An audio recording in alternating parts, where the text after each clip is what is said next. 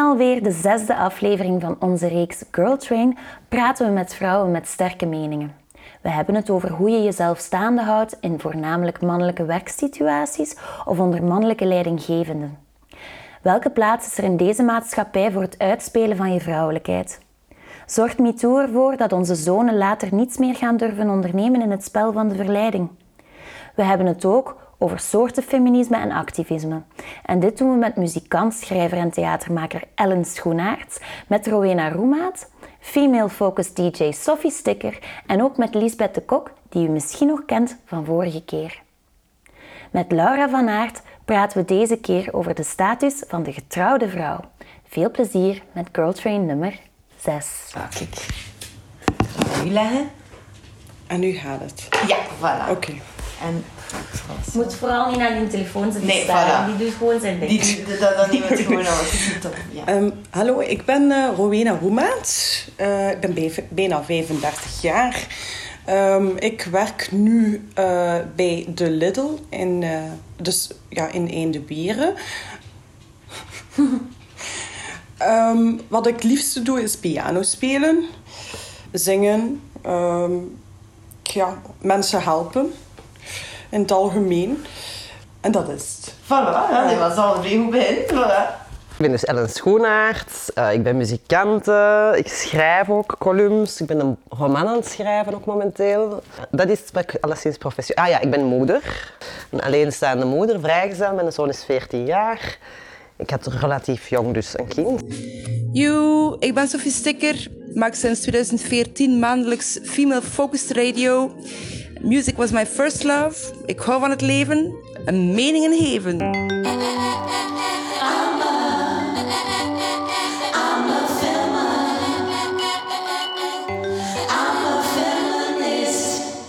Ah ja, ik ga het laten liggen. Ja, Ja. voilà. Ja, we zijn vrouwen, hè. het gaat over vrouwen, onze podcast. Je hebt zoiets van, ja, ik- mijn vrouw zijn heeft mij heeft dingen bepaald in mijn leven. Is dat zoiets dat je, dat je al over nagedacht hebt? Ja en nee. Ehm, ik ben zelf al heel vrijgevochten geweest ehm, en open. Ehm, ik zeg ook altijd wat ik wil zeggen. Eh, ik ga mij niet in een hoekje worden gesteld. Dus ik ga altijd opkomen voor mijn eh, ja, geloof en, en mijn ideeën. Ja, en de mannen moeten zich maar schikken naar mijn dingen. Ik eh, trek eigenlijk niets van die eh, dingen aan. Behalve eh, als ze dan bijvoorbeeld eerst iets vragen naar mij en dan naar een man gaan. Dan ga ik wel naar de persoon toe en zeg je stom dat ik een vrouw ben. Dan ga ik het wel direct gaan zeggen. En dan krijg ik een heel andere reactie. En, en dan excuseren ze zich en van alles en nog wat. Maar ja, ik bedoel, ik laat mij niet doen. Eh, terwijl dat ik wel in mijn omgeving zie dat, dat vele vrouwen zich laten doen. Of beginnen wenen als ze hun gelijk niet kunnen krijgen of wat dan ook. Zie je dat vaak? Vrouwen die beginnen wenen omdat ze hun gelijk niet Ja, krijgen. eh, of, of eh, ja, dat ze zo ja, eh, zich, zich slecht voelen in de situatie en ja, gewoon hun gelijk niet kunnen krijgen. Ja, ik zie dat heel vaak eigenlijk. eh. En onterecht hun gelijk niet kunnen krijgen? Onterecht ook. Ja. Ook onterecht. Eh, en ja, gewoon... En, soms ook omdat ze eh, zich niet al, allee, anders kunnen eh, profileren. Ze kunnen ook zich anders niet uiten. Dan beginnen ze te wenen. Misschien een teken van onmacht ook. omdat ze niet uit de woorden kunnen. Hè. Bedoelt je dan dat, dat veel vrouwen ehm, een soort ehm, educatie in de brede zin, hè? dus ik bedoel niet een hoger diploma, maar ik heb het over, over een soort opvoeding en communicatie en de manier waarop dat je uit. Wel, nee, het gaat een beetje om man en vrouw. Eh, mannen, het- gewoon het begrijpen tussen man en vrouwen. Zo. De mannen begrijpen dat eh, niet, niet altijd goed, eh, hoe dan vrouwen zich wil uiten.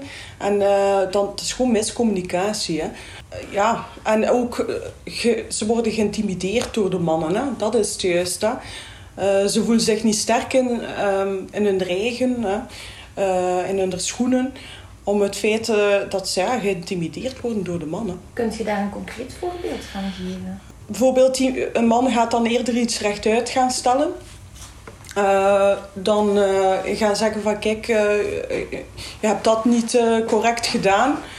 Dan een collega van mij, je hebt dat niet correct gedaan en dat mag niet meer gebeuren. We gaan daar een notitie van maken. Ehm, en je gaat dat moeten ondertekenen. En ja, de vrouw is dan in kwestie eh, beginnen wenen, ehm, maar niet ehm, beginnen uitleggen. En dan, als je dat dan niet kunt... eh, ja, gewoon omdat dat, dat te rechtuit was voor de vrouw. Maar de meeste vrouwen kunnen daar niet echt tegen. Ehm allee, in mijn omgeving, wat ik al eh, gemerkt heb, is er eh, eh, misschien één... Nee, die is ook al beginnen wenen. Ehm, ze zijn allemaal al beginnen wenen of, of zich emotioneel gaan gedragen. Van, eh, van ze kunnen het niet aan. ze zijn op hun plaats gezet door een man en ze kunnen het niet aan. Dat, dat, dat is wel spijtig om dat te zien eigenlijk. En is werkt je in een omgeving waar de leidinggevenden allemaal mannelijk zijn? Ja, mijn baas is, een man. Maar ja, ik heb daar geen probleem mee, met mijn baas. Hij weet subiet eh dat ik het over heb. Als hij onnozel doet of zaagt tegen mij, dan zeg ik eh, eet een beetje. Ik ga er wel erg van uit dat de kunst vooral ligt in de juiste mensen samen krijgen. Ik denk dat dat echt het grootste deel van... eh, En dan de juiste omstandigheden creëren, waarbinnen dat die mensen het beste uit zichzelf kunnen halen. En dan, en, en dan u niet te veel niet meer moeien en dan hooguit af en toe wat in overleg. Bijvoorbeeld als je voelt en die vindt dat en die vindt dat en die vindt dat. In overleg zoeken naar wat kan er nog beter. Ja, o- een overlegmodel. Iedereen is super vrij, maar als bijvoorbeeld, dat is mijn nummer, ik heb dat dan gemaakt. En we beginnen te repeteren, dus de arrangementen samen. Wanneer komt opzij, die beginnen spelen en improviseren. Maar soms neemt dat dan een richting dat ik doe, ja, ja, schoon, schoon, hè, hup, vasthouden, dat doen, dat doen. Maar soms gaat dat dan ineens een richting op dat ik dus niet... Dus dan zijn met drie echt kei content, eenmaal aan het trippen. En ik denk, ja, maar dat is helemaal niet wat dat dan moet zijn. En wat ik dan doe, is niet van, nee, nee, dan zeg ik, dan word ik wat stil en dan zeg ik, ja, hier word ik gewoon ongelukkig van. We kunnen dat wel doen, maar het ding is dan wel dat ik niet, dat ik niet gelukkig ga zijn met resultaat. En dan doen die allemaal een beetje, ja, oké, nee, dat is ook niet de bedoeling. En dan, en dan, dan denken die, oké, verder zoeken. Dus eigenlijk is dat meer zo, Ja. dat die dan denken, ja, nee, dat is niet tof natuurlijk. Ik werk heel vaak samen met mannen, Ja. sowieso. Ja. Allee, toevallig denk ik. Maar ook echt... Ik werk ook zeer graag samen met vrouwen. Ben- Op zich is daar voor mij geen, Nee. geen verschil in. Ik hou echt enorm van zo sterke vrouwen. Vind ik super tof, sexy. Nee, voor mij is daar echt eigenlijk geen verschil. Maar je kan iets zeggen ja, op een diplomatische manier. Hè? Dat man kan aanvaarden eigenlijk. Hè? En dat, dat je, ja, ik heb dus geen ruzie met niemand niet. Hè? Op mijn werk, eh, ze komen allemaal naar mij, en ze een beetje hek aan het doen tegen mij. En dat is leuk, joh. Maar je hebt de know-how van mijn mannen die zich zo opstellen om te gaan. Is dat ook iets waar dat bijvoorbeeld de vrouwen op de werkvloer die ook voor, voor, voor de mannelijke baas werken, is dat iets waar, dat de, waar dat de hun dan in steunt? Als je merkt van dat ze niet uit... Dat ze, dat ze niet kunnen Ik, eh, uitleggen. ik doe dat wel. Ik Probeer ze dan te helpen? Ja, ja, ik ondersteun ze wel. En ik ga dat dan... eh, maar ik, ik wil niet zo tussen twee vuren altijd zitten. Hè. Ehm, ik ga dan bijvoorbeeld wel naar de baas gaan kijken.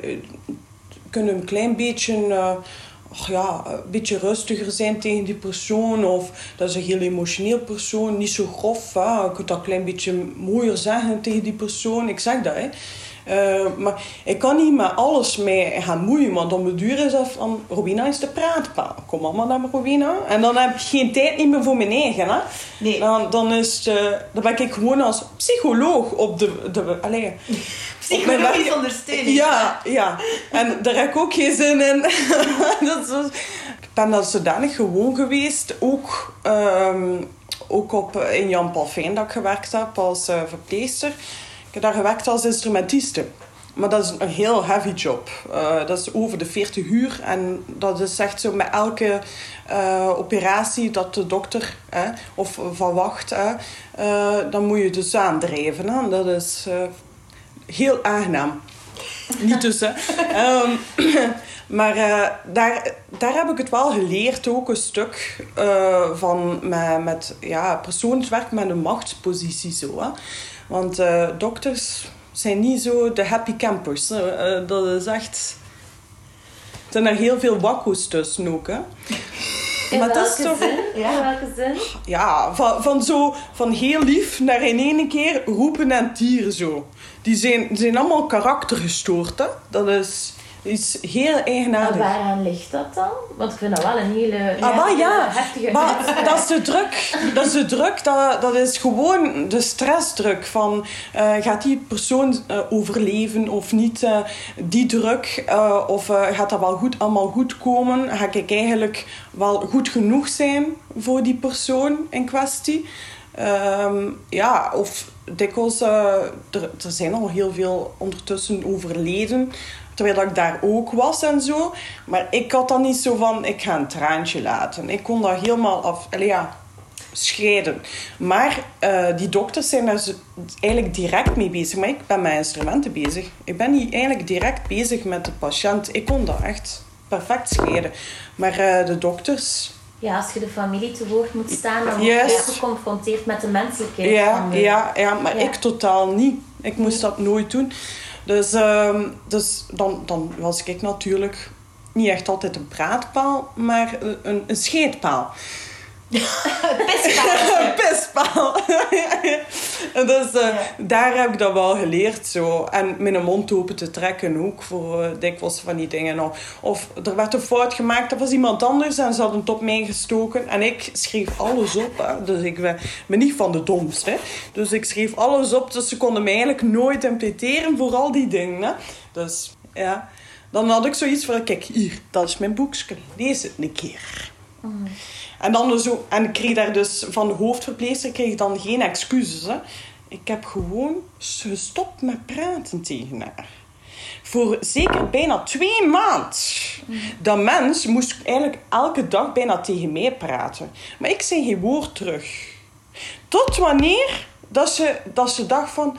Dat ze echt kwaad werd zo. Op die moment moeten ze ze hebben. Hè. Ze werd kwaad omdat ik nooit iets meer terug... Dat ik niet meer communiceerde. Ik zeg ja, maar weet je waarom? Dat ik niet meer communiceer met u. Dan ben ik het gaan uitleggen. Ja, maar dat is... En dan begon ze te roepen aan het dier. Ik zei, kijk, je weet...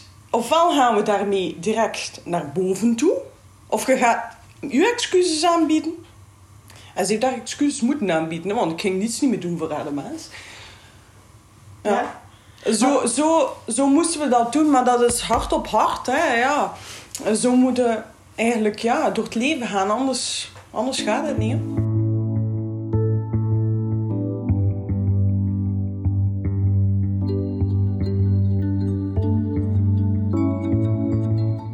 Vind uw vrouwelijkheid dan onderdrukken of daar niet vooruit of, of niet, niet inzetten, vind ik, snap je, vind ik een flauwe misinterpretatie van feminisme. Maar zo, dat proberen het seksuele uit de maatschappij te bannen, vind ik eigenlijk heel kwalijk. Ik denk echt, dat is, een van de- dat is een heel schoon iets, seksualiteit en alles wat daar rond hangt. Hè. Dus je moet niet per se met elkaar naar bed, maar gewoon al de energie van mensen die hun seksualiteit gewoon omarmen of die er sexy uitzien of whatever. Ik heb ook graag dat mijn muzikanten er schoon uitzien, tuurlijk. Dat is, hoe tof gewoon. Dat is tof voor mij, dat is tof voor het publiek, dat is tof voor zichzelf. Wie doet er daar nu kwaad mee? Integendeel. En waarom zouden u zelf zo manifest ontkennen? En iets, een van de grootste schoonheden van de mens, namelijk seksualiteit, op die manier proberen. Want dan zit het toch terug iets aan het onderdrukken. En dat was nu toch, volgens mij is nu toch het idee van feminisme is juist het niet meer onderdrukken van de vrouw, maar dan moeten we dus ook niet de vrouwelijkheid beginnen onderdrukken. Of dan moeten wij niet met z'n allen eer mannen gaan worden. Of dan moeten we niet vinden dat mannen bijvoorbeeld niet dominant mogen zijn. Van mij mogen mannen wel dominant zijn, maar in bed, snapte? Daarbuiten moeten die zich gedragen. Ja, nee, ja, dat is nu toch gewoon simpel. Ik vind dat ook wel leuk als er in het artistieke toch ook altijd een soort seksuele flow hangt. Al is het moppend, snapte? Dus ik ben zelf, ik zei ook al langs tegen Lisa, we waren in de studio, dus ik en Lisa van der A, met die vier mannen. En Lisa en ik zijn echt de ergsten in onze groep. Hè. Wij zijn zo super, zo heel de tijd van die seksuele moppen, moppen maken. En ik zei op een gegeven moment, Lisa, mocht- mochten wij nu twee mannen zijn en zun vier vrouwen, wij zouden dus aangeklaagd worden voor seksuele intimidatie. Hè, snap je? Dus dit is, snap je, zelf gewoon keihard. Dus bij ons is dat wel een beetje zo Maar voor de mop wel, hè. Daar hangt ook altijd heel veel humor rond en la la la. Maar toch, daar hangt altijd zo'n pesterij, Ja. pesterijsfeer. Als ik denk aan intimidatie op basis van mijn geslacht eh, in mijn professionele leven, dan ga ik eventjes denk ik het recentste voorbeeld aanhalen. Dat was de keer dat er mij werd verteld dat er een mooie introductie was voor mij bij de aanvang van een programma op een heel grote radiozender. En dat hij mij niet verklapt ging worden, want hij was oeh, zo leuk. En de introductie ging als volgt. Naar deze dame had ik beter een dikpik gestuurd, want ze flasht mij haar tieten op haar nieuwste hoes. Ja, dat was heel jammer dat ik dat niet op voorhand wist. Want toen ik dat hoorde bij de aanvang van een drie uur lang durend programma, werd er na die introductie meteen naar mij overgegaan. En ik stond daar helemaal geblokkeerd. Ik stond echt paf. En het enige wat ik nog kon uitbrengen was een ongemakkelijk lachje. En dus, ik ja, kon voor de rest niks meer zeggen. En langs de andere kant werd ik ook diep droef. Want mijn statement dat ik dacht gemaakt te hebben, werd met die ene slagzin gewoon volledig onderuit gehaald. En daarbovenop, ik was geblokkeerd. Ik kon niets meer uitbrengen. Dus ik kon ook niet iets wat dat ik wou uitdragen, namelijk hè, eh, vrouwen, sta op, wees niet bang, doe waar je goesting in hebt, kon ik ook niet meer, ik kon dat niet meer uitdragen gewoon. Dus wat dat ik toen dacht was van ja, één, wat voor een loser ben ik eigenlijk?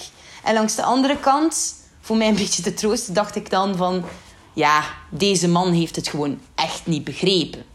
En waarschijnlijk had hij ook geen flauw besef dat, hij, dat dat mij zo raakte, want ik kon ook niks meer uitbrengen. Nu, ik zou hier heel lang over kunnen doordraven en zagen en doen en bla bla bla. Dat heb ik ook al gedaan eh, in mijn beperkte vriendenkring. maar eh, misschien wil ik wel even het volgende meegeven, aangezien dat ik dat op die zender toen niet kon doen. Is alsjeblieft, wees een beetje proactief, vrouwen. En alle minderheden die er zijn, wees proactief. Screen het op voorhand. Laat u niet overvallen door van die mensen die dan zeggen: Ja, maar ik ga het u niet vertellen, eh, het is leuk hoor. Nee, het is iets wat over jou gezegd wordt, dus jij mag gerust op voorhand vragen: Wat ga jij over mij zeggen? Het is ook tenslotte op radio. Iedereen kan het horen. En het blijft daar ook eventjes staan. Ik begrijp de schrik vaak. Hè. Langs de ene kant kan je bestempeld worden als de boze feminist. Of iemand die nergens tegen kan. Maar dat is allemaal niet waar. Ik wil gewoon even meegeven. Toe, please, wees niet bang. En als je bang bent, het is u echt vergeven. Ik snap het volledig. Maar ik wil wel even zeggen, ik steun dat. Wees niet bang en vraag het gewoon.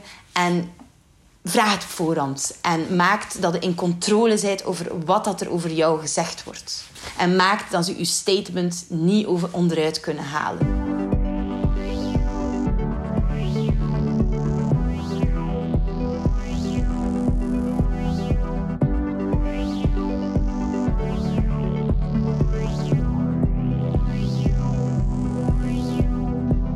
Kleine dingen waarin dat... dat dat Ja. voelt van, je moet veel meer... En zeker als je jong bent, omdat dan ook... Hè, dat is een cliché, maar het is ook wel zo. Hè, de, de mannen in machtsposities, de oude knarren, hè, proberen zo wel een keer. Hè, dus dat komt er dan ook bij. Je krijgt dan niet alleen ehm, impliciet, onbedoeld enzovoort microagressie, seksisme. Je krijgt dan ook nog een keer ja, grensoverschrijdend. Allee, ja, bon, zo mm, dingen die ik toch niet apprecieer. Mhm. ook zo. Hè? Mensen die echt wel seksueel benaderen. Dus dat hoopte ik van, als ik ouder word en lelijk en uitgedroogd, zal dat toch misschien stoppen.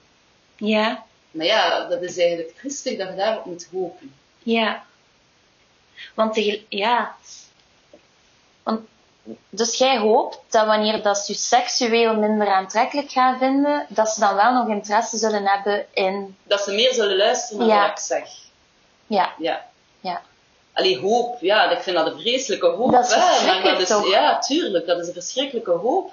Maar ik kan dat niet ontkennen dat ik dat wel al gedacht heb. Van, ah, nu dat ik iets ouder word, gaat dat misschien toch... eh, Ja. Want dat is zowel iets dat je vaak hoort, is het gevoel van vrouwen eens dat ze ehm, een bepaalde leeftijd gepasseerd zijn, dat ze zich ook onzichtbaar voelen worden.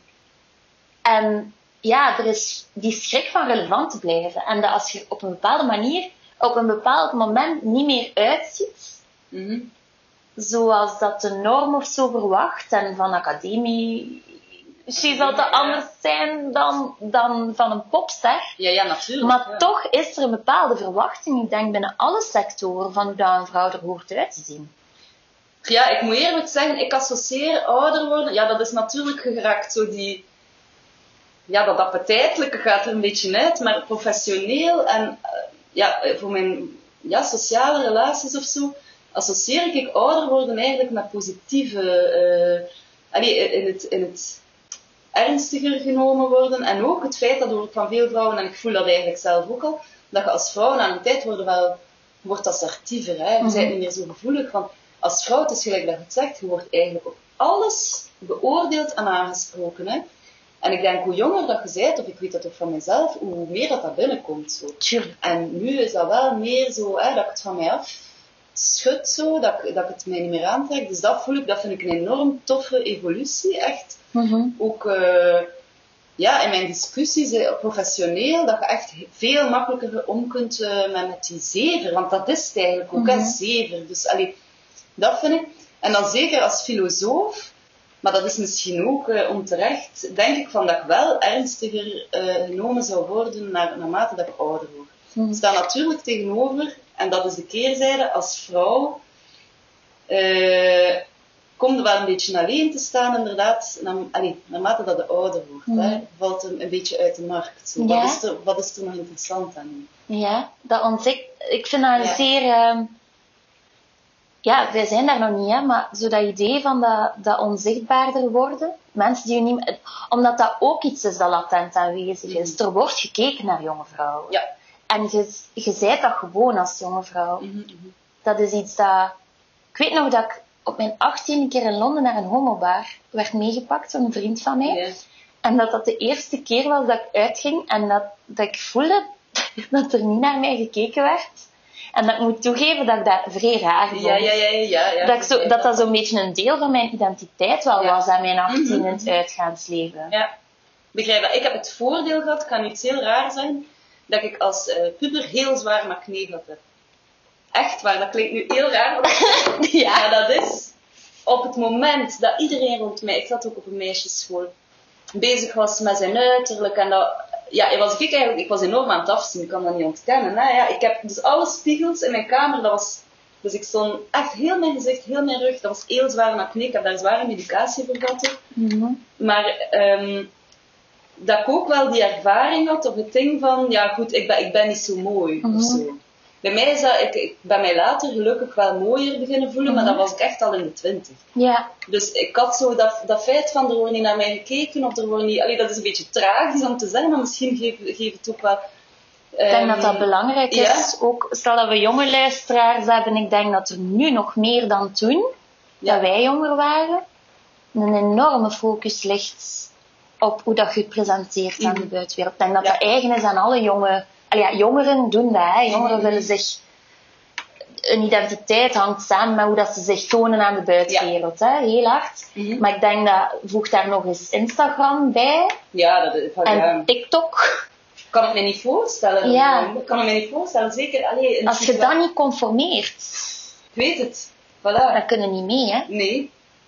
Nee, en ik zeg het, alleen mijn situatie was dan wel triestig eigenlijk en tragisch, dat je zo op het moment dat de anderen zo een schoonheid en een seksualiteit ontdekken en ook wel verkennen, hoe kan ik dat uitspelen, dacht ik, ik keek echt in de spiegel en ik dacht, ja, hier valt echt niet veel mee aan te vangen, ik meen dat ook. Oh, Dus dan, dat was triestig, dat maakte mij wel depressief. Maar jij bent nu ook mama. Als, als, je, Ja. als je geconfronteerd zou worden over tien jaar met een kind die zich zo voelt over zichzelf. Ik denk dat dat voor mijn moeder, maar ze zegt dat ook. Want zij is dan ook wel allee, degene geweest die echt naar de dermatoloog gegaan is en die Ja. zei van geef me die zware medicatie, want het was Ja. echt heel erg. Hè.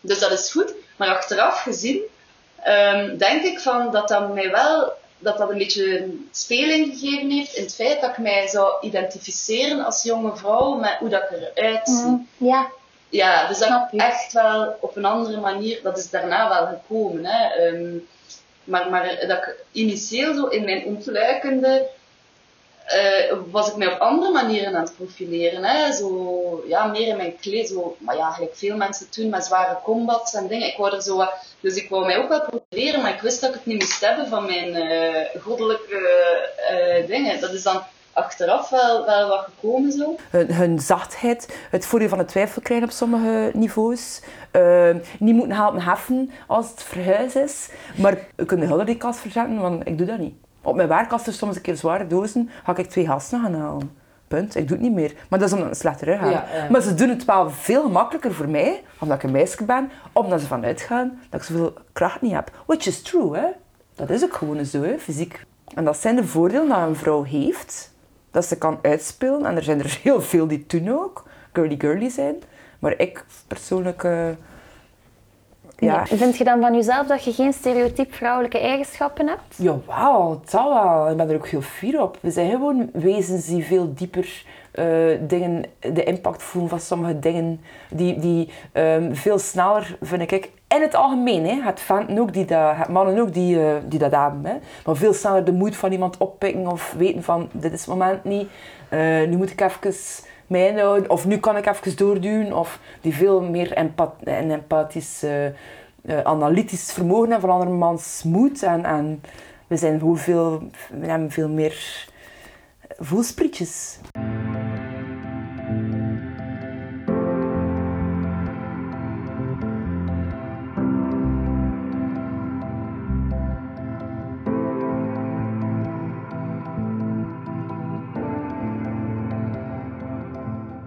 Eh, gaslighting. De term komt van de film, een jaren 50 film, een zwart-wit film eh, nog.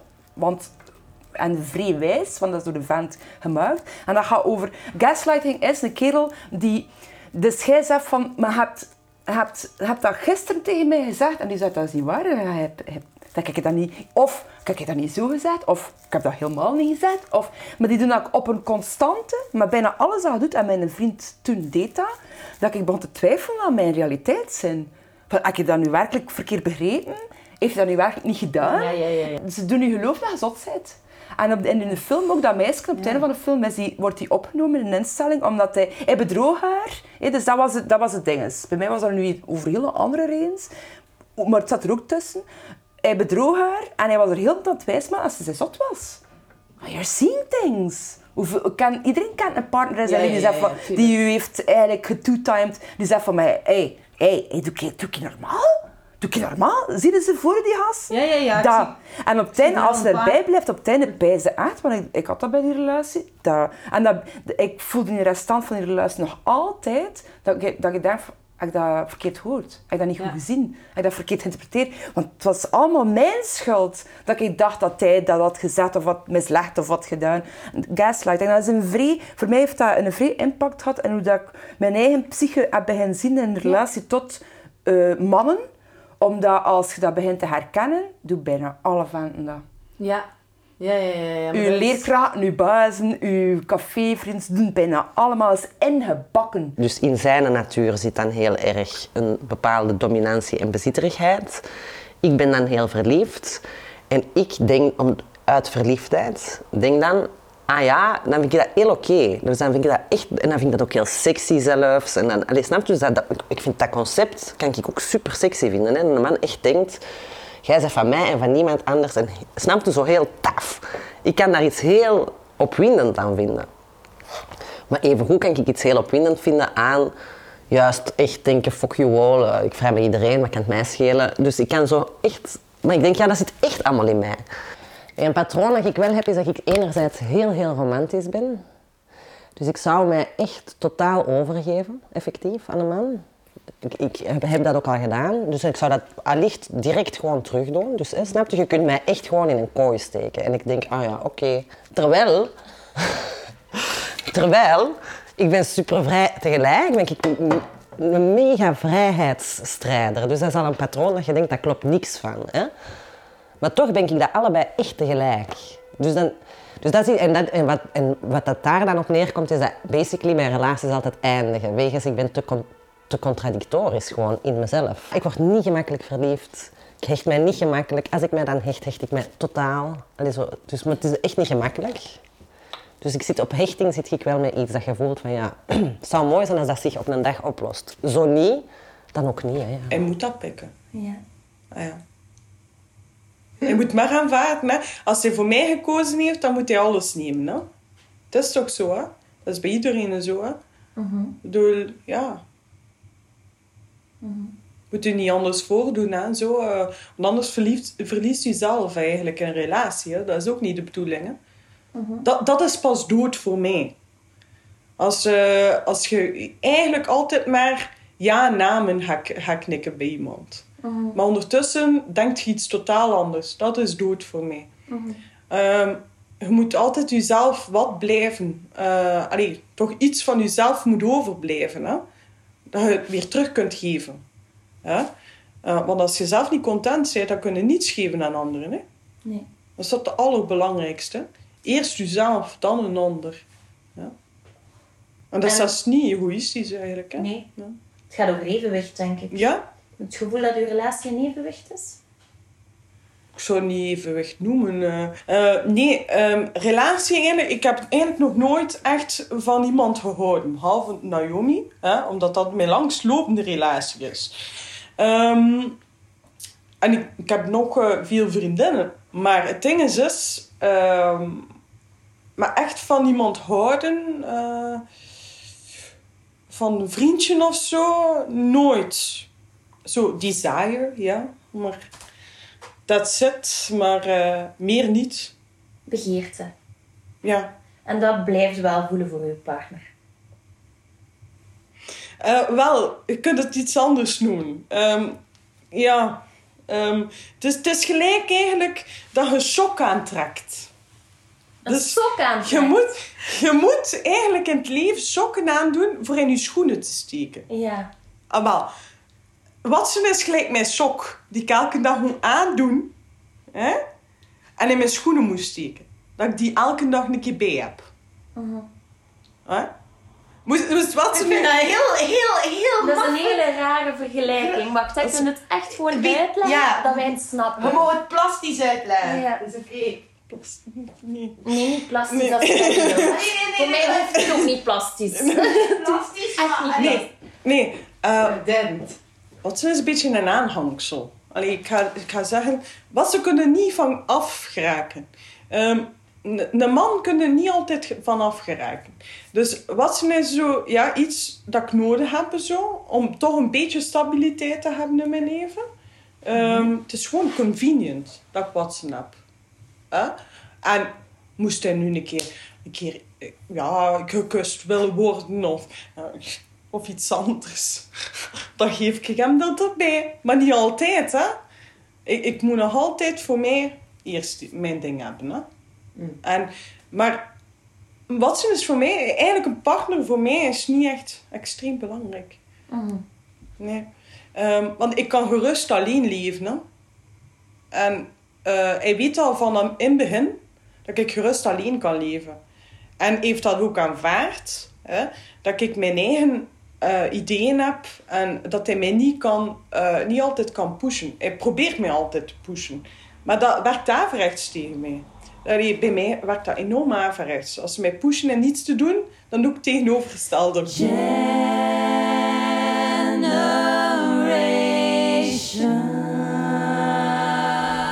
Oké, Laura, kunnen we het eventjes hebben over hoe dat in de geschiedenis zit met de vrouw als eigendom van hun echtgenoot? Ja, oké. Dus, eh, Dat is eigenlijk vrij ver terug te brengen. Ehm, met, maar het duidelijkste moment, ook omdat we het gaan hebben over ehm, ja, België en de Belgische situatie, is toch die Code Napoleon. Dus dat, dat, eh, dat burgerlijk wetboek. Dat eigenlijk nog altijd de basis is eh, van het burgerlijk wetboek in België vandaag. Net zoals in de rest van eh, eigenlijk, ja, Noordwest-Europa. eh, door Frankrijk veroverd onder Napoleon Bonaparte. En daar is het eigenlijk vrij duidelijk. Hè? De man is aan zijn vrouw bescherming verschuldigd En de vrouw aan haar man gehoorzaamheid.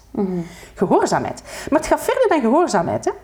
Dus vrouwen mochten geen contracten ondertekenen.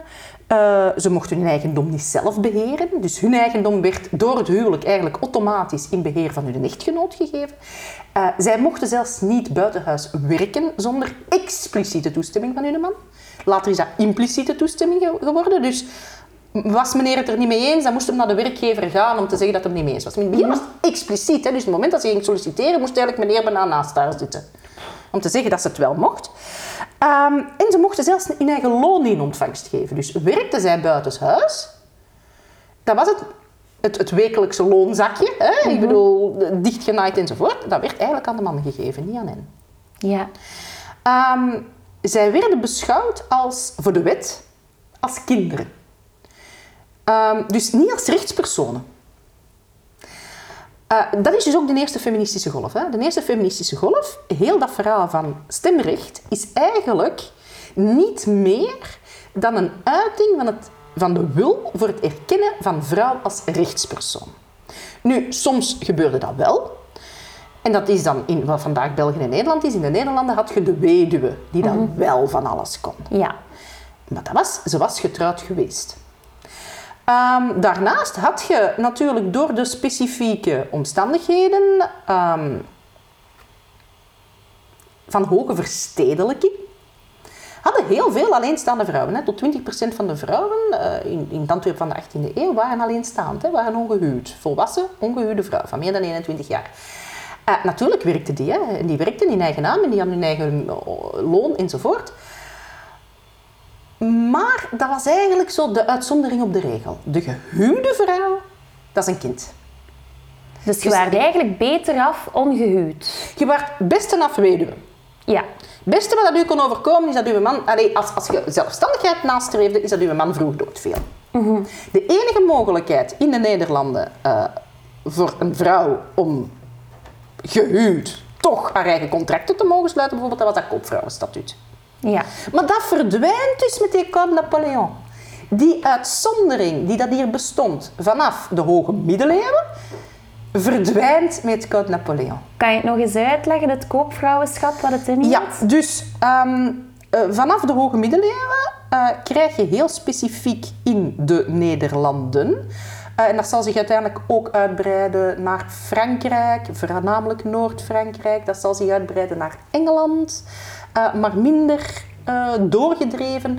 Ook in een heleboel, eh, bijvoorbeeld Portugese vissersdorpen, dus waar dat mannen weg zijn. Ja. Situaties waar dat mannen dan lang weg zijn, moeten vrouwen, zelfs gehuwd, dus in theorie onbekwaam, toch de mogelijkheid krijgen om in plaats van hun man te handelen.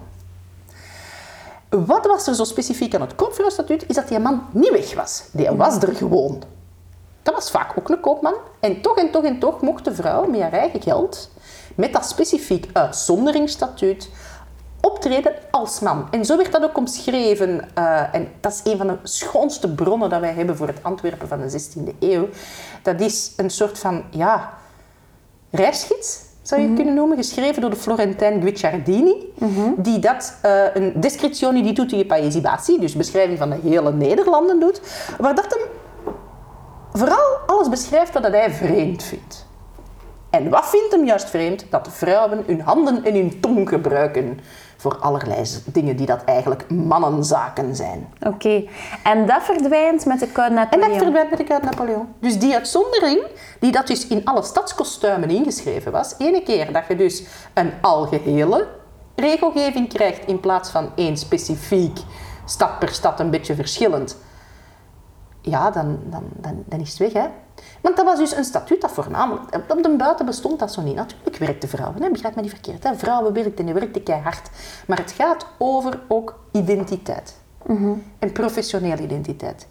Zolang dat de vrouw het brood verkoopt dat haar een man bakt, Is zij ondergeschikt? voilà, heeft zij geen eigen professionele identiteit. Dat was zo specifiek aan die koopvrouwen. Die hadden hun eigen zaak, hun eigen professionele identiteit. Ja. Eh, concreet voorbeeldje, ik zeg maar iets. eh drukkerij Plantijn, Plantijn Moretus in Antwerpen. Eh, Madame Plantijn had haar eigen kantwinkeltje, onafhankelijk van de drukkerij van meneer Plantijn. Ja. En ze regelde daar alles zelf En voor. dat was haar ding. En dat werd eigenlijk, dat is, dat is helemaal grappig. Ja, dat was eigenlijk gezien omdat ze niet slim genoeg was om mee te draaien in de grote zaak. Kreeg ze haar eigen kleine zaak. Maar dat was wel haar eigen kleine zaak. Dus dit kan dus in de Code Napoleon, maar enkel met expliciete toestemming van de echtgenoot. Hè, dus hij kan de vrouw wel terugwerken, maar dus dat idee, dat is de expliciete toestemming van de echtgenoot en dat maakt het ook moeilijk. Dus als er dan iets misgaat, ik zeg maar eens, eh, er wordt de goederen geleverd, maar dat betaalt niet. Hm?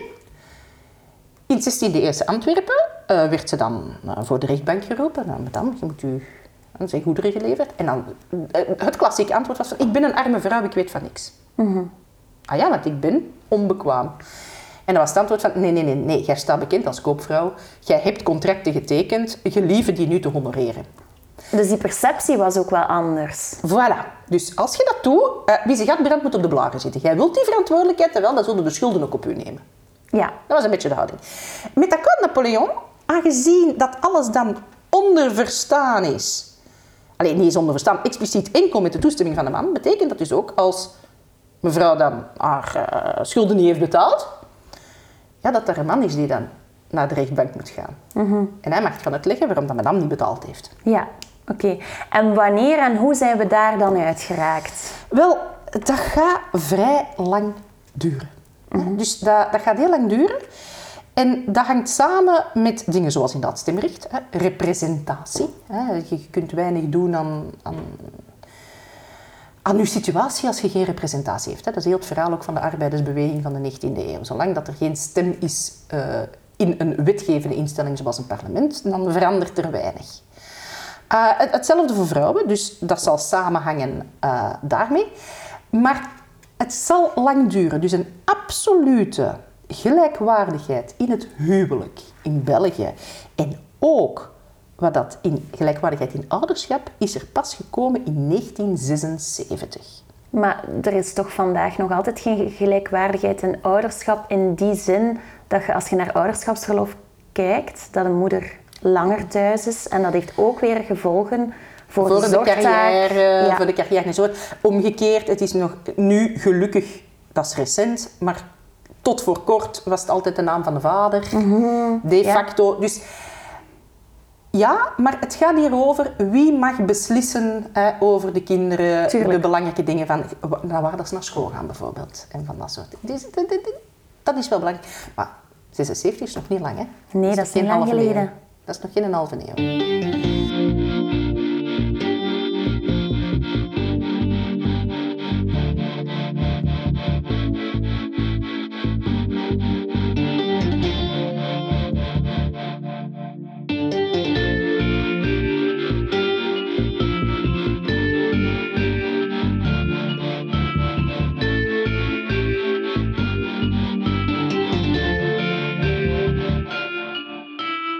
Eigenlijk een deel van de reden waarom ik geen kinderen heb, is omdat ik geen meisje wil wou hebben.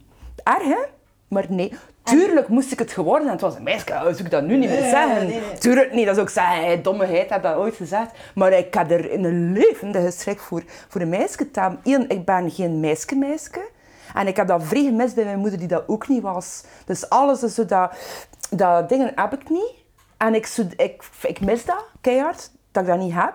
Soms doet dat echt pijn. Soms zelfs fysiek pijn, omdat ik een schone madame ben. En ik kan dat maar niet zo... Ik, ik kan niet zo... Oeh, hallo. Ik kan dat niet. Dus ik zou dat mijn kind ook totaal niet kunnen geven. Maar ik zou wel graag een zoontje hebben gehad, absoluut, om aan te tonen van... Girls, man. Ja, ja, Girls. ja, ja, ja. Treat 'em right, man. Ja, maar tegelijk, wat ik mij bijvoorbeeld wel zorgen over maakte met die MeToo, dat was dus het volgende. Ik denk, met seksualiteit, wat ik daar wel heel bijzonder aan vind, is dat dat zo'n ander bijna territorium in een mens is. Hè? Want ik bijvoorbeeld, zeg het, van mij mag een man in bed dominant zijn. Prima. Maar dat wil niet zeggen dat ik vind dat een man mij mag domineren in het leven. Hè? Dus een totaal ander verhaal. Maar ik vind het ook wel gevaarlijk worden op het moment dat je dus een man... Stel dat dat nu allemaal dat die zo goed zijn opgevoed. Dat die eigenlijk niet meer fatsoenlijk eh, kunnen ja, een vrouw overlijden, dat dat allemaal seuterij wordt. Ik zou ook niet graag in een wereld leven waarin dat dus mannen niks meer durven. Dus daar moeten we, dan denk ik ook, shit, hoe pakt dat dat aan? Dat een man ook wel toch de seksualiteit in zijn, in zijn, hè, in zijn brutaliteit, want dat is brutaal. En dat is er ook tof aan. Dat dat ook niet verloren geraakt. Want dat is een van de schoon dingen aan seksualiteit. Daar zit agressie in, daar zit brutaliteit in. daar- Dat is grensoverschrijdend, per definitie. Dus waar trekt de grens in? En ik denk wel dat je daar als maatschappij op moet waken. Dat je dus niet allemaal mannen opvoedt die denken, die echt denken... Ik moet heel alleen maar teder en dit en dat. Want dan denk ik dat je heel veel gefrustreerde vrouwen gaat krijgen. En, en ook en, heel onhandige mannen krijgen. Ja, maar ja, het is daar. Dus je moet daar toch wel over nadenken. Maar ja, als een vrouw zegt nee, is het nee. Dat lijkt mij helder. Maar dat, dat je nu geen moves meer zou mogen maken, of dat er geen agressie meer zou mogen aan te pas komen, daar ben ik het niet mee eens dat dan is weer. iets, dat, ja, maar dat is Of dat dat niet... Ja, dat dat niet kinky mag worden. Tuurlijk moet dat kinky worden. Alleen dat moet toch... Dat is het hele consent gegeven. Hè? Het moet toch, eh, je mag je een beetje laten verrassen, maar ook weer daar, als je zegt nee, stop, tot hier en niet verder. Voilà. Zorg dat een bevrijdende be- beweging niet, niet maakt dat we juist onvrijer worden. En dat, en dat is wel... En daar zit een kantje op zo. Hè. En dan vind ik dat we als maatschappij... En dat heeft bijna met elke bevrijdende beweging... Zorg dat dat niet zo radicaal wordt, dat dat weer compleet onvrij is en dat je niks meer kunt zeggen of doen, want dat het dan niet correct is, of niet dit, of niet feministisch genoeg, of niet dit genoeg, of niet... Bedoel, zo komen we ook niet vooruit. Hè? Onthoud dat je een bevrijdende beweging bent en dat de basis van een bevrijdende beweging wel vrijheid moet zijn. Ja, corona denk ik eh, is voor heel veel vrouwen eh, heel, heel zwaar, heel, heel zwaar geweest. Ik heb het ook bekeken op de RVA. De, Het is ook zo hè, dat de vrouwen zwaarder te lijden hebben onder corona. ja, ja. Omdat ze minder goede contracten, over het algemeen, hè, zijn er veel vrouwen met tijdelijke contracten, eh, niet zo goed onderhandeld, makkelijk te ontslaan, makkelijk, ja. Ja. Ik denk eh, een aantal, een aantal zaken. Hè. Ik heb er net zitten over nadenken. Zo, allee, positie van de vrouw in corona. En het is dat ook dat ik eh, een week geleden zo kwaad over geworden ben. Hè. Dat ik dacht, ik een actie doen. Maar ja, bon, we kunnen tegenwoordig kunnen acties doen met 50 en je moet je mondmasker aan hebben. En, allee, dat, dat maakt niet echt indruk. Dus, eh, ik, wil, ik dat niet doen, maar ik ben eigenlijk heel boos omdat je het gewicht dat op vrouwen komt. Ja, dus je hebt die essentiële beroepen, hè. Poetspersoneel, onderwijs, zorgberoepen, hè. Het zijn vrouwen. Ja. Zijn vrouwelijke... Tuurlijk zitten daar ook mannen in, maar het zijn wel vrouwelijke beroepen. Ja. Ondergewaardeerde, onderbetaald. Ze proberen daar nu iets aan te doen. maar Met dat onderwijs is dat straf, hè, want vroeger werd er heel veel respect voor, was er heel veel respect voor leraren, Ja. maar dat was toen dat de leraren nog mannelijk waren. Hè? Ja, ja, ja, ja. Ja. Voilà. Dus je hebt al die essentiële beroepen, eh, heel veel, heel veel vrouwen. Dan, hopla, allee, je krijgt opnieuw zo, als je kunt ehm telewerken, dan moet je ook maar zorgen voor je kinderen. Ik weet, er zijn heel veel welwillende mannen, hè, er zijn heel, maar het is gewoon een feit dat dat heel vaak op vrouwen terechtkomt. En het is ook uit, het stond regelmatig in de krant, die zorgtaken zijn ongelijk verdeeld. Hè. Eh, dus als je kijkt op de RVA, er zijn heel, veel meer zo eh, thematische verloven, ouderschapsverloven enzovoort opgenomen. En de meerderheid door vrouwen. Mhm. Hè? Dus Ja. vrouwen hebben zich professioneel ook wel kwetsbaarder gemaakt daardoor. Dus dat is een schadelijke zaak geweest voor, voor vrouwelijke carrières. Ondertussen wordt er enorm, dus je zit daar met die onbetaalde zorgarbeid ook, die enorm geworden is. Hè? Voor u waarschijnlijk ook. Mhm. Je moest eigenlijk alles tegelijk doen en werk maar en dingen, of houd je essentieel beroep maar gaande, terwijl dat je daar maar met een, dat is, Ja. dat is niet te doen. Dan heb je ook natuurlijk zo'n factor van huiselijk geweld en van ar- dat vrouwen ook kwetsbaarder zijn eh, voor armoede en zo, maar dat ik op den duur echt ehm, het gevoel kreeg van er is echt een, bijna een exploitatie bezig van vrouwen. Hè? Dat is heel fel uitgedrukt, ik weet dat wel. En Maar ik wil dat- er opnieuw niet anti-man in worden, maar ik dacht, dit is niet meer te doen. De- het onderwijs was... en Er wordt weinig naar die kleuterjuffen die daar maar, ja, blijkt maar werken. Ja, ja, ja, dat was toch schandalig? Ja, en je hebt geen een, een, een prioritair vaccin van nee, dat gaat dan naar de politieagent en de brandweer. En, hè, zo de, de lekker mannelijke, Ja, maar de maar jullie mogen traantjes drogen en En snotneuzen. Ja. ja, dus dat, voilà. Dus jullie mo- moeten maar doordoen. Dus die staan in de vuurlinie, staan met verpleegsters, poetspersoneel. Die mochten allemaal hè, doordoen. Dus die maakten ook al meer kans om, om dat, om dat Om ziek te worden. Dat zijn dan onderbetaalde jobs. Ja, voor nu proberen ze daar wel iets aan te doen in de zorg en zo, maar het gaat even goed over ja, die, de, al die vrouwen in het onderwijs. Opnieuw, er zitten daar ook veel mannen, ik weet het wel, maar bon, het is een feit dat die essentiële beroepen zijn gewoon driekwart vrouwen. Dus, en dan mogen die vrouwen, als ze thuiskomen, zo, hè, opnieuw, er zijn veel mannen die helpen en er zijn alleenstaande mannen ook, ik weet dat wel, maar goed, hè, krijgen die zorgtaak die nog een keer zo zwaar geworden is het voorbije jaar. Ik dacht, dit is gewoon een vorm van exploitatie, waar dat ik heel, heel, ehm, ja, dat ik ineens echt heel boos voor, uh, voor, voor werd. En mijn, omdat, ja, de, het beleid en die overlegcommissie, ook zo'n overwicht van mannen, die dan zeggen van ja, blijf maar bezig in die essentiële sectoren, dus werk maar, hè. combineer dat dan ook maar een keer maar met de zorg voor kinderen, wat dat dan meestal vrouwen zijn. En dat ik echt dacht, ja, dat is uitbuiting aan het worden. Mhm. En ik maakte mij direct reflectie zo, maar goed, is van ja, zonder te verzeilen in die hele complexe coronadiscussies, maar goed, wanneer gaat ons land volledig overstag? Hè? Als er meer dan duizend bedden op intensieve zorg bezet zijn uh, door COVID, op 11 miljoen inwoners. Dus in het begin van de crisis was het eigenlijk al duidelijk van ja, we zouden wel een beetje geholpen zijn als je die capaciteit uitbreidt. Ja. Dus dat is één ding. Wat dat ook zou helpen is dat je pharma, hè, de, de tweede winstgevende sector geloof ik, op de porno-industrie na, hè, vanuit een soort van noodtoestand zegt van we moeten die patenten opheffen, want die patenten zorgen ervoor hè, dat dat vaccin niet massaal geproduceerd kan Het is gewoon schandalig dat een land als Israël en de VS gewoon prioriteit krijgen op Europa, omdat zij meer geld daaraan hebben Ja, gegeven. voilà. Dus dat is een probleem. Ook heel die, die de farsen met de leveringen enzovoort. Als je zegt, we hebben die patenten op, dan kun je dat massaal beginnen produceren, kun je dat versnellen. Door die twee beslissingen niet te nemen, hè, zorgcapaciteit uitbreiden, patenten opheffen, dat is natuurlijk, dat zijn geen wonderoplossingen, maar dat zou wel een beetje geholpen hebben. Heb ik het gevoel van die crisis wordt hier ehm, uitgerokken.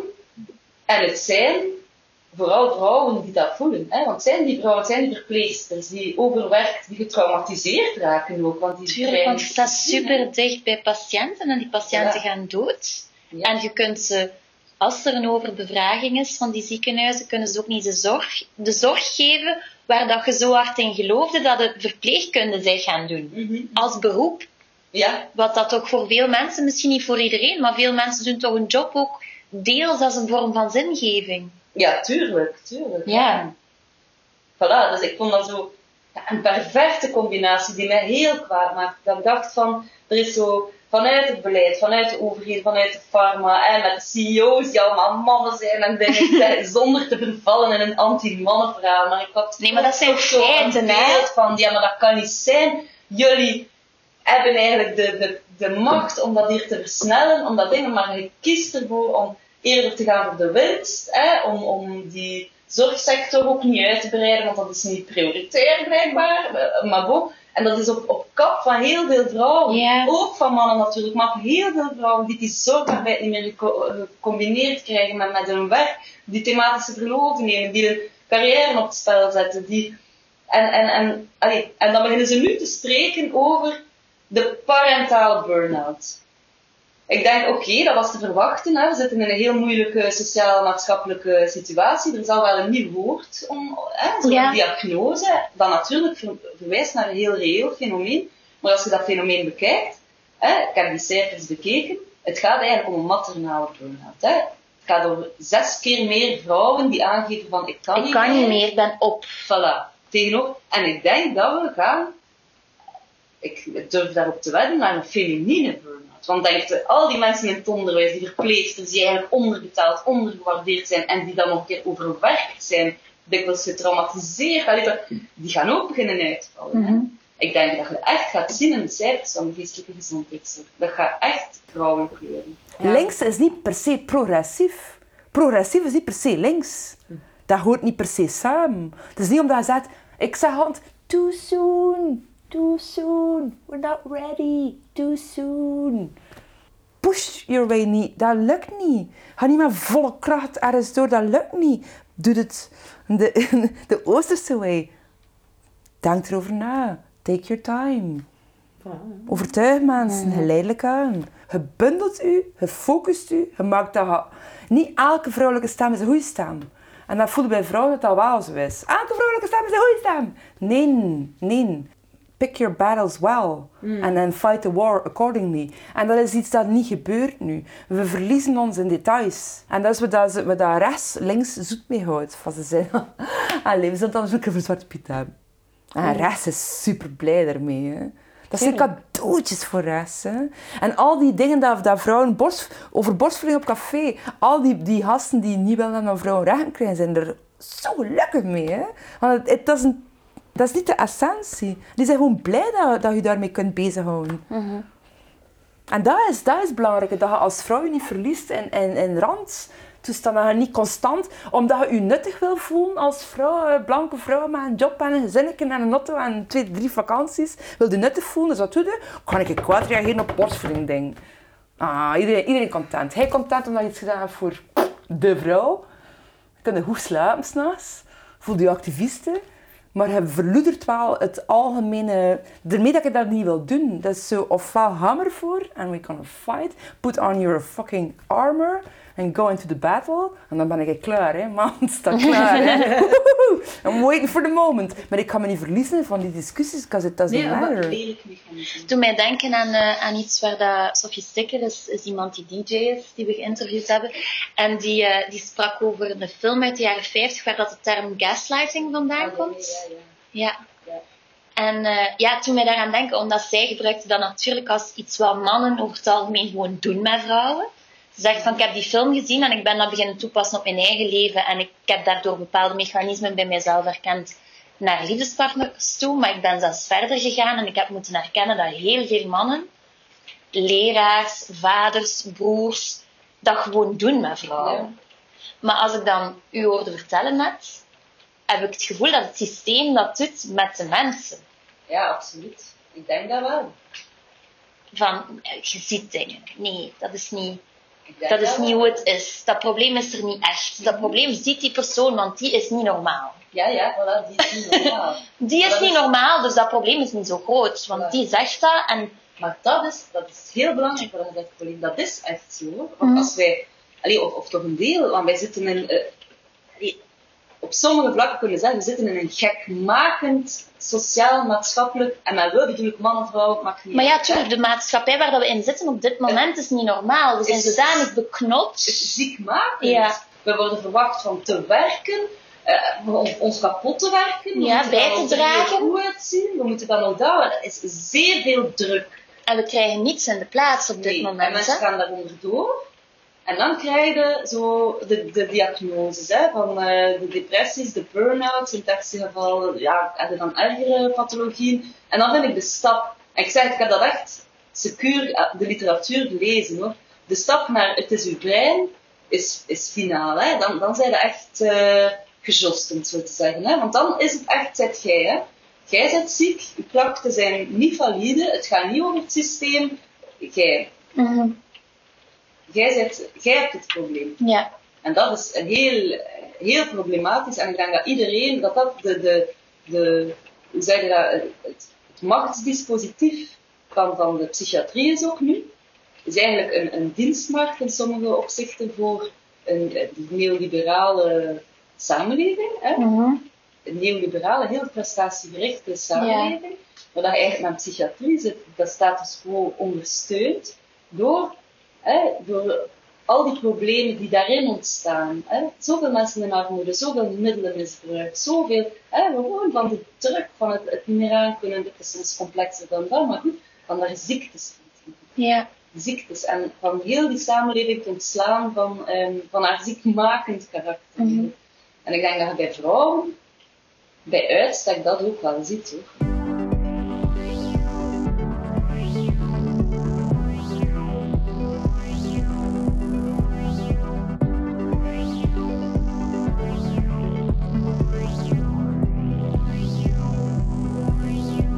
En pra- ik praat heel graag met mensen, dus ik ben heel veel, heel sociaal.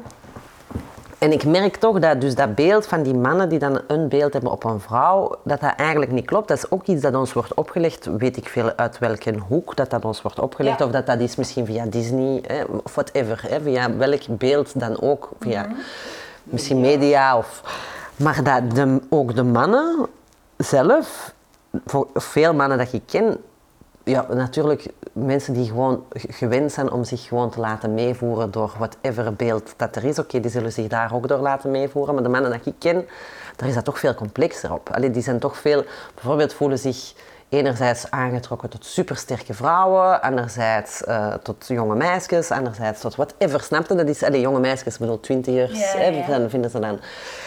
Maar, maar je voelt toch ook dat een, een man is toch heel vaak zeer aangetrokken tot een sterke seksuele vrouw. Is zo, hè?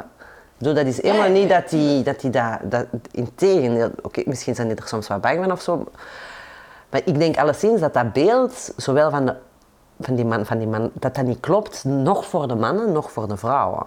Dus dat, dat we daarin ook de man tekort doen, omdat we dan zomaar denken dat elke man zo in elkaar steekt. En, terwijl ik heb eigenlijk helemaal niet die indruk, integendeel. Ik merk toch dat mannen gewoon ook vallen op persoonlijkheden, individuen. Like, ik kom slecht van de reclames van de televisie tegenwoordig, maar het is... Ik lach, ik nies, ik pis in mijn broek. Je ziet alleen nog maar reclames over fucking incontinentie. Kende hij iemand van 40, like of dat ze opvoeden, maar weet hij dat jongens op een duur pijzen dat elke vrouw in haar broek plaatst?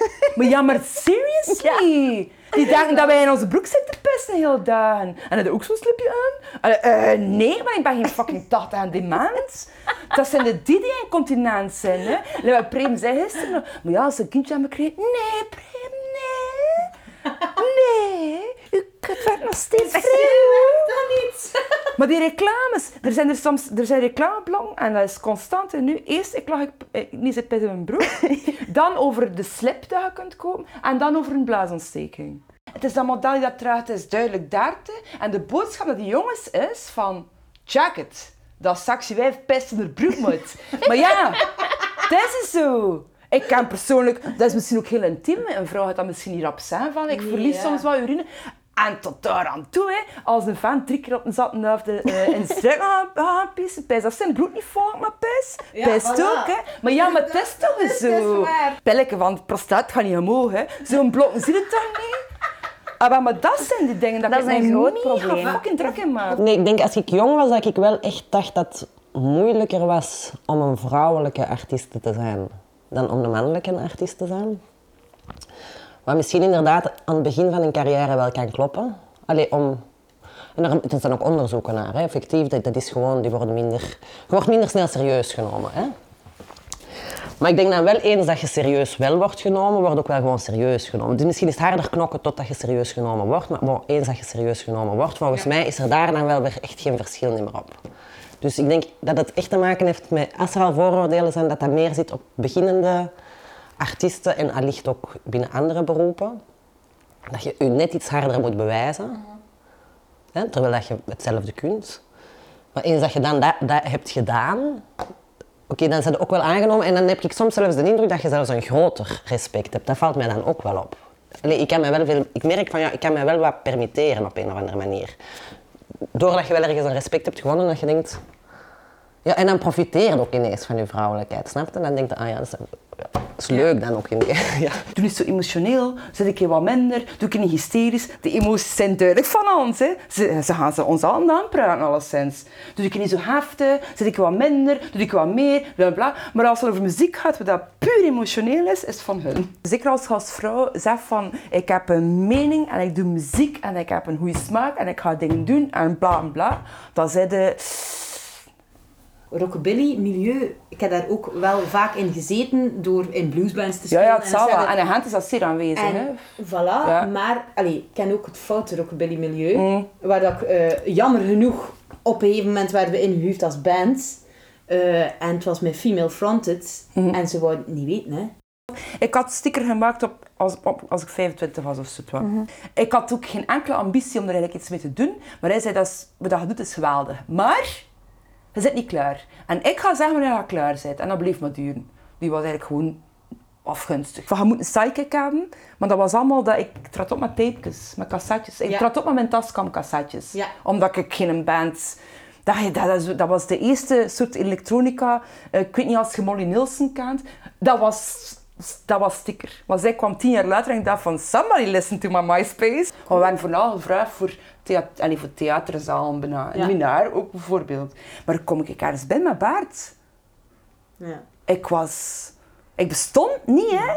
En die deed letterlijk niks bij sticker, hè. Ik kom altijd toe met, met, met Jan, Ja. eh, met mijn gitarist. En wij zingen ook wel wat dingetjes samen hè, eh, binnen Rina Riot.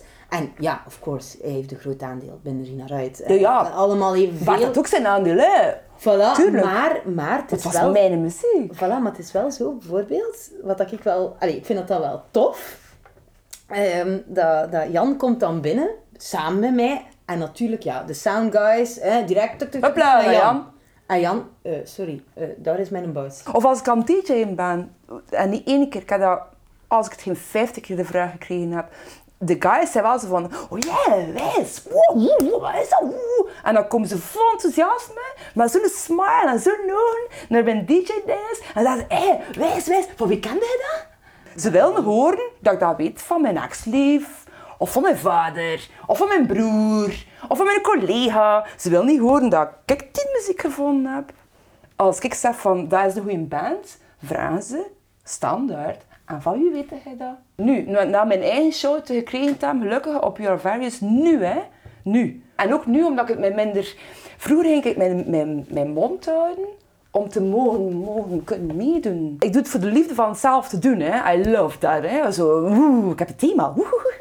En ook om te tonen van, er komt, dat, is, dat, is, dat stopt niet, hè, de kwaliteit. Niet alleen van nu, maar ook van 70 jaar terug. Blijft je dingen in je zet krijgen van, fuck, I'm mind blown. But little people care. Maar als meneertje een keer iets gaan doen, en dat is echt, dat is nog altijd zo crazy. Daar kom ik nog altijd zo grijs van. Hè. Niet dat ik wel op handen gedragen word, want ze, ze doen gasten dan van ja, Sofie, het is goed, jong. Woe, woe, woe, woe. Ze zijn een beetje obsedeerd door je statistieken van je mixcloud misschien. En zo echt, hè. Ze- Nee, maar je doet dat ook niet voor, je wilt gewoon... Je wilt in een joy overbrengen, dat is toch het enige. Ja, ja, maar zij doen like wat bij mij voor mijn ego is, maar als meneertje het doet, hè, is het niet voor zijn ego of wat? Maar bij- bijvoorbeeld, als je naar reviews kijkt, hè, de eerste alinea ging over wat ik had. De tweede alinea ging over dat, dat ik fantastisch was en dat het supergoed was. En dan de derde alinea eindigde, ja, ze moet wel een keer naar de kapper gaan, want we kunnen haar expressie niet genoeg zien. En volgens mij is ze zeer expressief. En mijn, mijn manager, mijn manager toen zei, Iets van punt. Zie je nou wel, Naomi? Je moet echt wel een keer naar de kapper. Mijn moeder, haar reactie was van... Ah ja, Naomietje, je, bent, je, bent een, je staat op een podium. Je moet, je moet echt jezelf meer verzorgen, hoor. Neem je dat je een zanger was geweest, die er had staan, ofwel sting, ofwel was, is alles cute. De eerste paragrafen gingen allemaal over de band. En ik was super blij. Want ik had zoiets van... Eindelijk. Eindelijk. We worden gezien als band, weet Ja. je wel? En En ze geluisterd. Voilà. Ja. En dan ging het over mij. En de eerste tien zinnen gingen over mijn outfit. En dan ging het over het feit van... Ja, en eh, ze kan tijd ook wel nog een stuk zingen. Ik zie graag een schone vrouw op het podium. Ik zie dat graag. Ja. Maar ik zie ook niet graag een vuil naam op het podium. De vlieger gaat ook op voor de andere partij. Dat ze ons dat zeggen, dat ze als mannen zeggen tegen een vrouw van hé, kom aan, voel je niet goed van, je ziet er niet goed uit. Sure, maar waarom moet hij erbij met een pestbroek? Mijn lief die zei... Ah, jij roept... Ja, zo vrouwen die roepen... Ik vind dat zo raar. Oei. En ik zo... ehm zei jij niet de mixer van de female fronted metal band? waarmee, ja- dat op, waarmee dat op tour zijt geweest. Eh, ja, maar ja, ja, maar ja, vrouwen die roepen, ik vind dat toch raar. Ja, dat is Dat, zo... dat is toch... Dat is toch dat, allee, Not zijn very Ja. ladylike. Voilà. Voilà, not Voilà, absoluut. maar- Een meisje die kwaad is, is niet meer sexy. En je moet ten alle Tijden. Schoon, braaf, lief en sexy Tenzij dat ze zijn. kunnen zeggen, goh, je bent zo mooi als je kwaad bent. Ik, ik ben ook echt mega believer van volhouden. Ja. Volhouden. Dat is de truc. De truc is, niet, de truc is gewoon volharden. Ik, volgens mij, ik ben er zeker van, als je volhardt, Wat Nee, en als je volhardt, dan is het eigenlijk na die drie jaar waar dat je dan voor je gemak... Dus dan eigenlijk op een later moment plukt, plukte de vruchten. En dat is echt iets dat je volgens Ja. mij op je voor, Ja. voor ogen moet houden. Oké, iemand die niet volhardt, die plukt dan even de vruchten waar dat de persoon die wel vol- volhardt op dat moment in de miserie zit.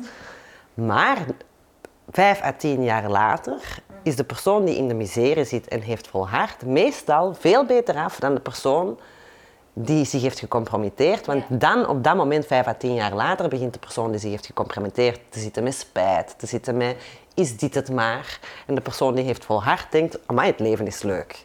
Ja, je moet ook wel wel lange termijn kunnen denken als mens. Hè. Denk je gewoon, oké, bedoel, dat zal zich wel... En, en dat vertrouwen van het zal wel lonen, moet, ik geloof dat echt, wordt echt beloond, dat duurt gewoon wat langer. En ik geloof dat keihard, ik zweer het, volgens mij is dat echt een mechanisme. Maar dat moeten gewoon wel, dat moeten wij als mens leren daarop vertrouwen. En dat is wel iets dat wij als mensheid duidelijk niet hebben. En dan ben ik begonnen met een jaar architectuur. Ik heb dat één jaar volgehouden. Ik ben er door voor één jaar. En ik had geen zin meer om maquettes te maken. Het kwam mijn oren uit. Van al die koffiekannen dat ik gedronken heb. Het was mijn kotsenbu. Dus ben ik ermee gestopt. En dan, ja... Ondertussen heb ik ook wel een jaar eh, in Portugal gezeten. Ja. Ja. Ja, want op een gegeven moment zijt jij is echt, ook eh, hebt jij jullie schub afgekuist, hè? Ja, zo ben ik dan wel zo. Als het mij in mijn hoofd schiet om weg te gaan en zo een volledig andere scenery, zo, dan, dan ja, kuis ik mijn schub af. Dan, dan weet niemand wat ik zeg. Maar komt dat vanuit een soort vertrouwen van ik trek mijn plan wel? Ja, Het feit dat je... Ja, anderen zouden dat dan lezen als opgeven. maar ik trek mijn plan wel. Ja. Ja, ik trek mijn plan wel. Ehm, maar het ding is, is ik, ik heb altijd eh, iets willen doen dat ik graag doe. Maar als, als ik dan stuit tot iets dat niet mijn ding is, dan ben ik dus eigenlijk ja, de kloze. Dan, dan krijg ik het ook niet in mijn hoofd. Dus ik kan mij zo in één keer een boek van 200 of 1000 pagina's geven. Gelijk bijvoorbeeld, ik had zo cultuurgeschiedenis en zo. En daar, daar had ik superveel punten op. Dat was voor mij echt een eitje. En dat was ik direct door. Maar dan hadden ze in één keer eh, praktijken zo. En dan, dan was ze van, oké.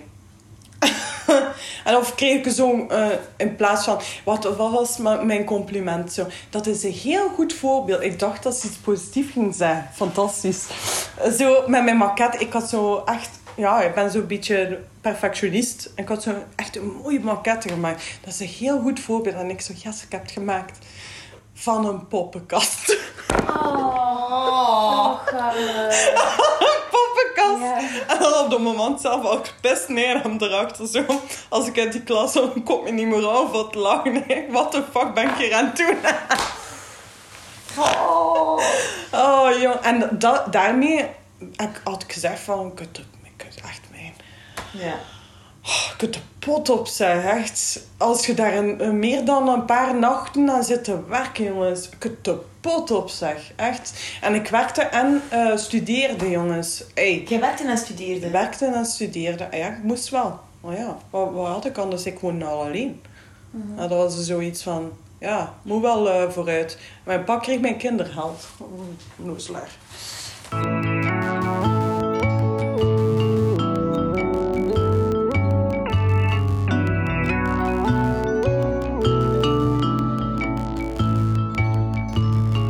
Vrijheid, verantwoordelijkheid vind ik ook echt belangrijk.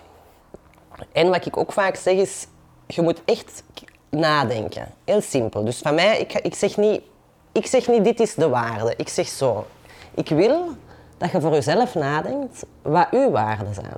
Want ik kan u dat niet opleggen, hè, want ik weet dat niet. Maar je moet wel voor jezelf per keuze dat je maakt, alleen niet bij elke keuze, maar als je van die ingrijpende dingen doet, of je doet bijvoorbeeld, je doet iets bijvoorbeeld een waarde is wel, je doet niet iemand iets aan wat jij zelf niet zou willen. En wat hij dan zelf niet zou willen, de ene zijn grens ligt... Allee, dus dat vind ik een hele belangrijke. Je doet niet een ander iets aan. Hij is wel super, super eh, zelfstandig. maar ik heb hem wel zo zelfstandig gekregen. Hij ging al, wacht hij, nu is het er negen.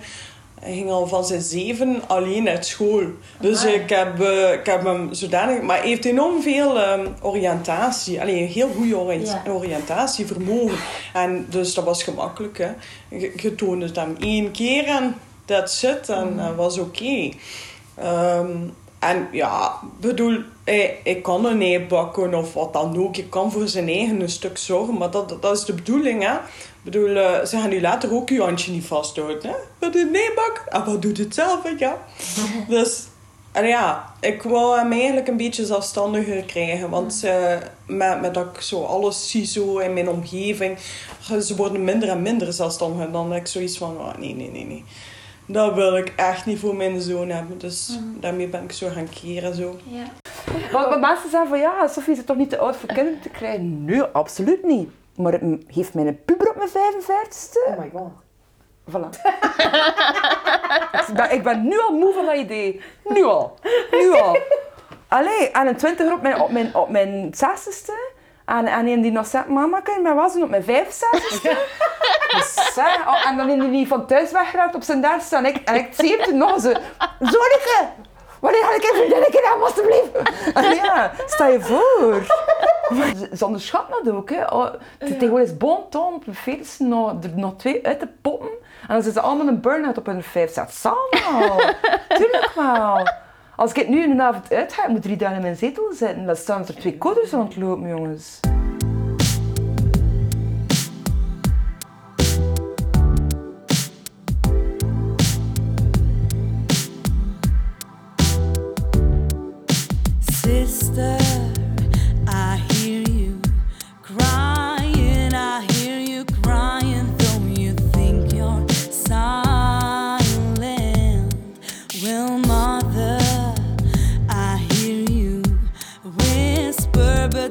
of louder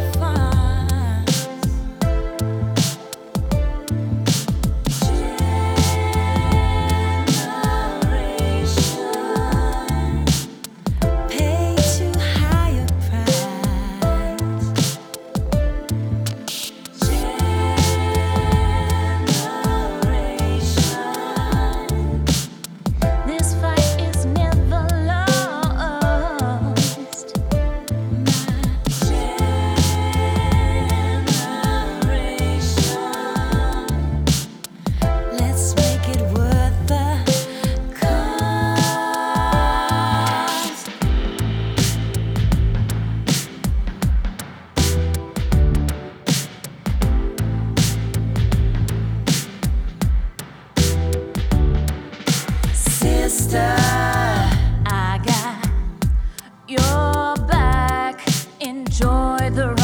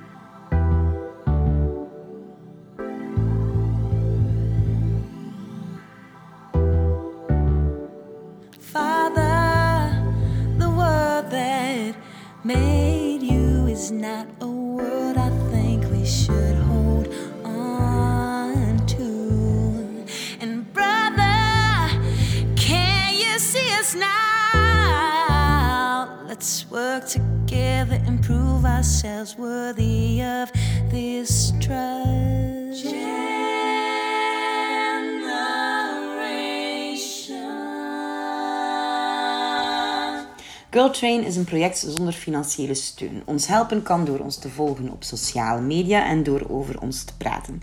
Girl Train maken wij niet helemaal alleen, dus bedanken wij heel graag Michael Nijt bij Jetson Studio om onze muziek op te nemen, Jan Hessens voor de finale editing van de audio, onze band Girl Train met Janne Blommaert, Trui Amerling, Elisabeth Delore en Helene de Klerk en uiteraard onze Girl Train van vandaag.